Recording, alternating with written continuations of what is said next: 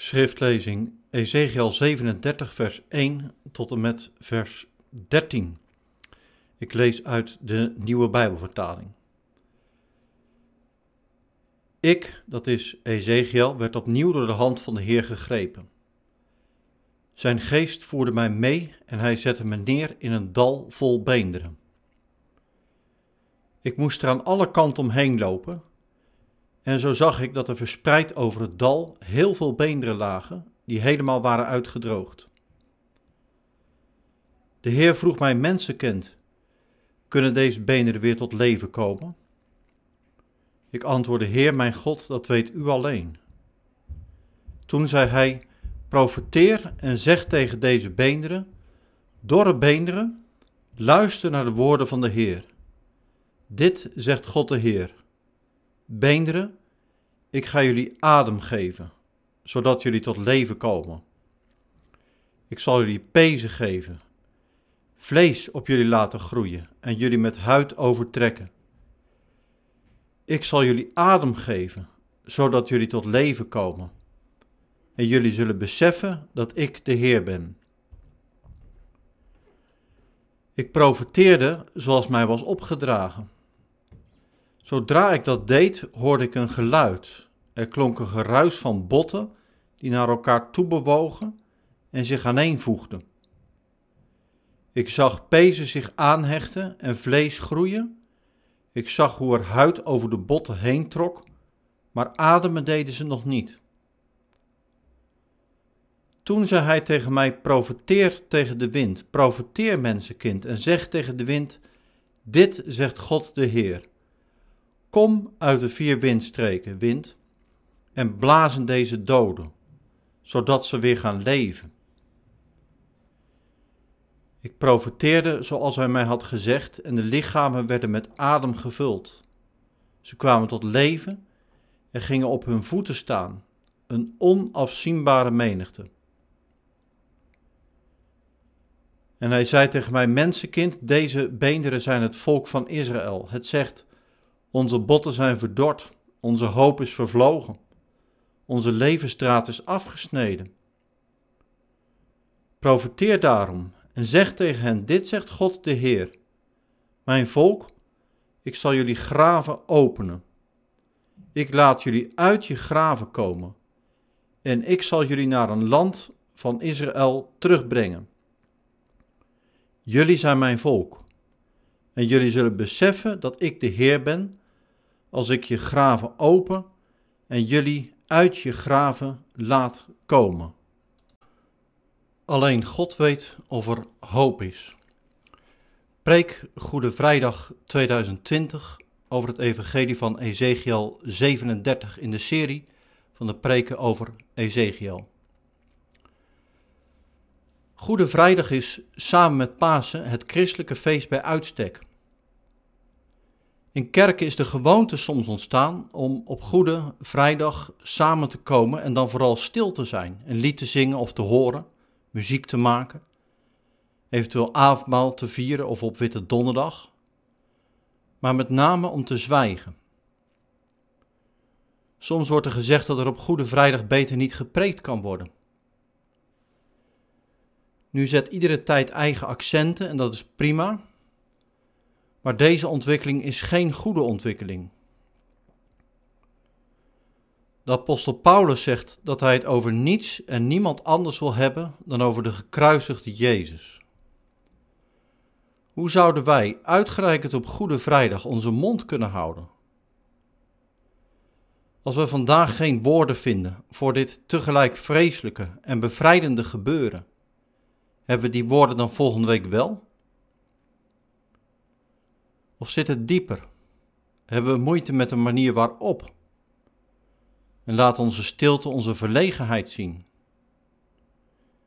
Want ja, wees eerlijk, een bloedig kruis, een offer, een gewelddadige dood.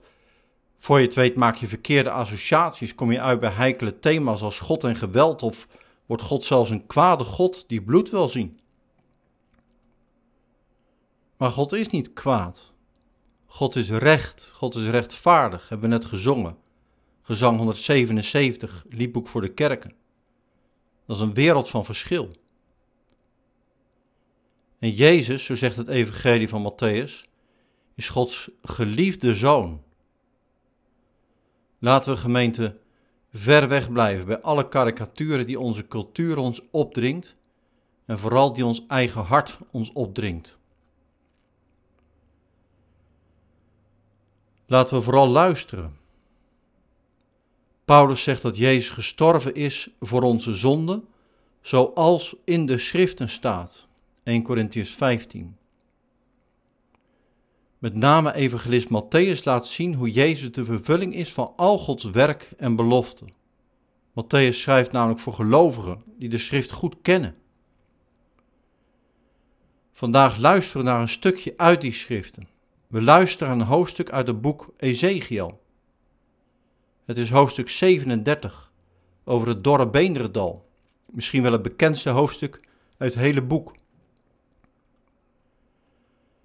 Meestal wordt Ezekiel 37 gelezen op of na Paas, want gaat het niet over de opstanding van de doden?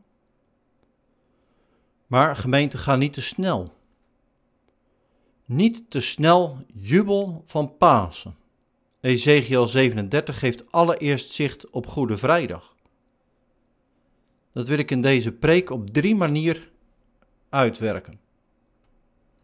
Laat Jezus vandaag stralen, al is het dan in het duister waarin hij hangt op Golgotha. Met Ezekiel en met Paulus realiseren we ons dat de Heer der Heerlijkheid, zoals Paulus hem noemt in 1 Corinthians 2, vers 8, wordt gekruisigd. In de eerste plaats leert Ezekiel 37 ons dit over Golgotha. Ezekiel wordt door Gods hand gegrepen. Vers 1. Dat gebeurde eerder ook al in hoofdstuk 3 en hoofdstuk 8. Dat waren toen indrukwekkende en moeitevolle ervaringen. Ezekiel heeft vast bedacht wat hem nu weer te wachten zou staan. En het is inderdaad niet niks.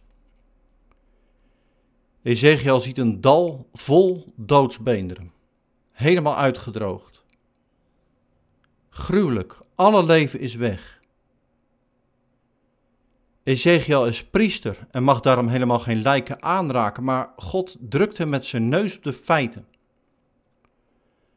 God laat Ezekiel van alle kanten naar die botten kijken. De doodsbeenderen zijn een afbeelding van Gods volk. Dat volk, zo staat in vers 11, heeft geen hoop en geen leven meer.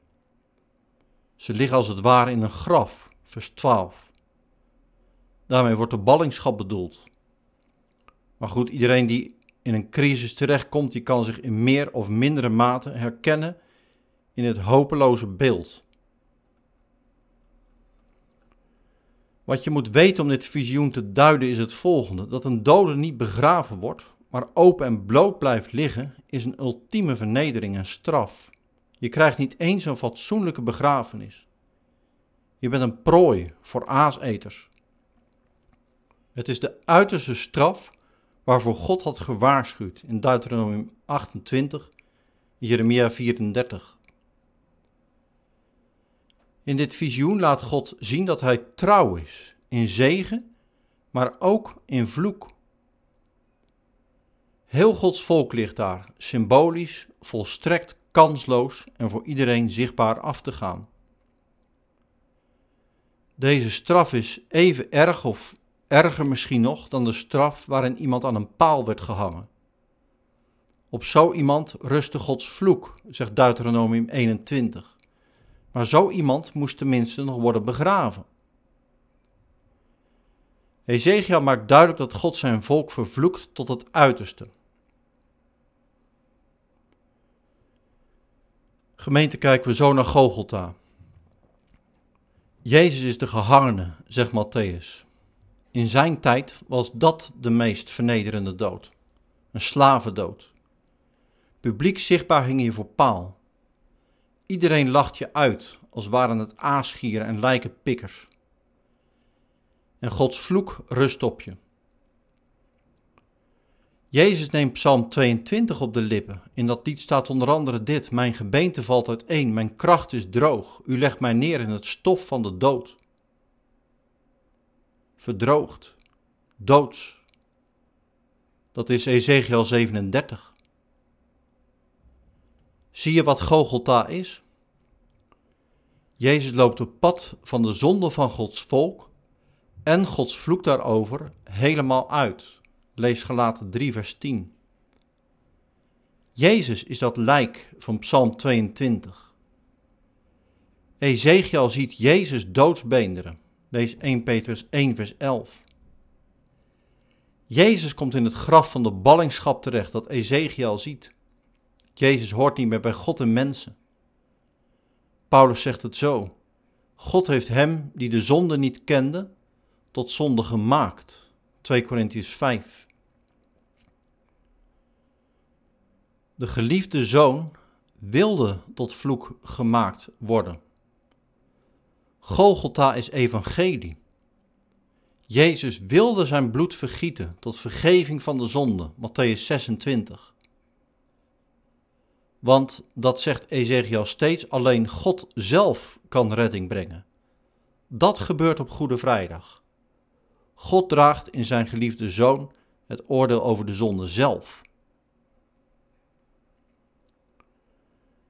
Het tweede dat we in Ezekiel 37 ontdekken over Gogolta zien we als we vers 7 beter vertalen. De Statenvertaling is al beter dan de nieuwe Bijbelvertaling. De Statenvertaling zegt zie een beroering als Ezekiel profeteert.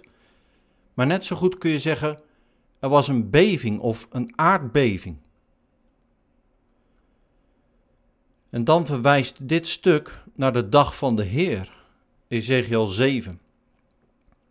Dat is een dag van oordeel. Waarop Ezekiel zegt het heel plastisch: mensen het in hun broek doen van angst, sidderen en beven. En toch verderop, Ezekiel 34, is het ook een dag van hoop. Een bijzondere combinatie. Gemeente kijken we ook op deze manier naar Gogolta. Matthäus noteert de aardbeving die Ezekiel beschrijft. Matthäus noteert ook tot tweemaal toe dat Jezus het uitschreeuwt. Dat is de pure doodsangst van Psalm 22 en van Ezekiel 7. Gemeente maakt van Jezus geen karikatuur. Gods zoon werd mens, mens van vlees en bloed. Een die de dood als straf op de zonde smaakte en daarin smeekte om redding, Hebreeën 5. Jezus beeft in lijf en ziel in Gethsemane sterft Jezus al bijna van angst en desoriëntatie. Jezus begeeft het en kan zich niet meer in leven houden. Psalm 22. Gemeente, zie je dat? De dag van de Heer, zoals Ezekiel die beschrijft, is begonnen. Daar, op Gogolta. De dag van de Heer is geen datum, die dag krijgt een gezicht. Het is Jezus en die gekruisigd. Hij gaat ten onder. En juist zo is er hoop voor iedereen die lijdt, voor wie smacht naar leven, wie in de crisis zit, wie naar het graf moet. Jezus gaat hier voor, hij liep het pad ten volle uit, tot daar. En verder dan wij zouden kunnen komen. We hebben geen flauw idee wat Jezus in Gethsemane en op Golgotha droeg. En dat zeg ik niet om jou of uw lijden te relativeren, maar om een schamele poging te doen in de buurt van Jezus lijden te komen. In de tijd van de Reformatie legt men dit lijden van Jezus uit als neergedaald in de hel. Tot slot Ezekiels profetie tot het doodsbeen om uit het graf op te staan. Makkelijk wordt gedacht dat het over Pasen gaat, maar het is te snel. We moeten eerst bij de les blijven. Als de doodsbeenderen en de aardbeving over Gogolta gaan, moeten we de opstanding allereerst daar ook zoeken. Matthäus noteert hoe Ezekiels profetie over de opstanding wordt vervuld. Wonderlijk. Als Jezus sterft, beeft de aarde en gaan de graven open en staan gestorven heiligen op. Matthäus 27, vers 52. Het is begonnen. De opstanding van de doden. Net als bij de dag van de Heer geldt ook voor de opstanding dat dat niet gaat over een datum. Opstanding krijgt een gezicht.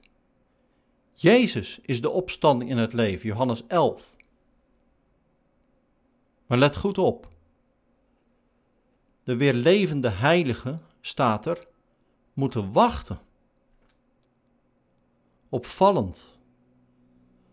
Pas na Jezus' opstanding mogen de levend gemaakte heiligen uit hun graf komen. Matthäus 27, vers 53. Jezus is immers de eerstgeborene van de doden. Wachten dus, al tot leven gewekte heiligen, wacht op je koning. Wachten dus, gemeente. Het is nog geen Pasen. Eerst kijken naar je gekruisigde en te begraven Heer. Wat zien we dan als we nog wachten met juichen? Weet je nog dat Jezus het had over die antikracht, die vernielende kracht, die Satan die steeds roet in het eten gooide? Denk aan Matthäus 12, maar ook de verzoeking in de woestijn. Jezus zei dat hij gekomen is om die sterke, zoals hij hem noemt, te binden. Dat gebeurt op Gogolta.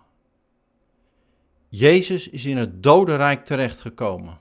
Psalm 22, Ezekiel 7, Ezekiel 37. Maar niet omdat hij zwak is, hij is daar gekomen vanwege onze zonde. En in dat rijk van de duisternis ontroont Jezus de sterke, de Satan, de dood. De tot leven gewekte heiligen laten dat zien. Zij zijn het levende bewijs dat de dood, grommend van ellende, zijn prooi moet laten gaan. Jezus is Heer. In de vroege kerk legde men op deze manier uit wat neergedaald in de hel betekent. Het rijk van de zonde gaat er aan. Denk aan die toren van Sauron. Misschien ken je het wel van de film In de Ban van de Ring. Die toren Barad-dûr. Op het duur begint die in te storten. Dan is er geen houden meer aan. Nog even en het is voorbij. De dood wordt verzwolgen. 1 Corinthians 15. Daar gaat het over. Gemeend op deze drie manieren geeft Ezekiel ons te verstaan wat Gogolta betekent. Ik ben geneigd de kern van Ezekiel 37 te zien in vers 3. God vraagt aan Ezekiel of de doodsbeenderen weer tot leven kunnen komen. Wat een vraag. Kan het goed komen met Gods volk? Met jou en mij als we in de crisis zitten, in moeite, in zorgen, als de dood komt? Wat voor goeds kan er komen uit Nazareth, werd er al gevraagd in Jezus' leven. En bij zijn dood al helemaal, wat schiet je op met een gekruisigde Messias? Ezekiel geeft een schitterend antwoord. Hij legt, om het zo te zeggen, het probleem bij God neer. Heer, mijn God, dat weet u alleen. Ezekiel weet als geen ander dat goedkope praatjes niet helpen. Denk ook op dit punt aan Gogolta. De discipelen en de vrouwen rond Jezus hadden alle hoop verloren. Kan dit vloekhout ook maar tot iets leiden? God weet het. De Zwolse kunstenaar Jan-Pieter Gootjes heeft een prachtig kunstwerk gemaakt over Ezekiel 37. Dat heet Known of Bekend. Wat je daarop ziet, je kunt het zien op mijn blog, maar ook op zijn site, Jan-Pieter Gootjes, is 144 doodsbeenderen. Het lijken wel afgebrande ladders, Jacobsladders uit Genesis 28. Heel duidelijk is dat er geen leven meer mogelijk is, geen hoop. Er is alleen dood. En de titel van het kunstwerk verwijst naar Ezekiel 37. Known. Gekend. En dat loon, dat staat gebeiteld op lood. Loodzwaar is Gods kennen. God weet of het goed komt, of er hoop is, of het graf van de gekruisigde Jezus open zal bloeien. Het ligt buiten ons bereik. We krijgen wel een signaal, nog wel van een buitenstaander. Net als in Matthäus 15. Ditmaal van de centurio die aan de voet van het kruis staat. Hij is zo onder de indruk dat hij beleidt waar het op neerkomt. Dit was werkelijk Gods zoon.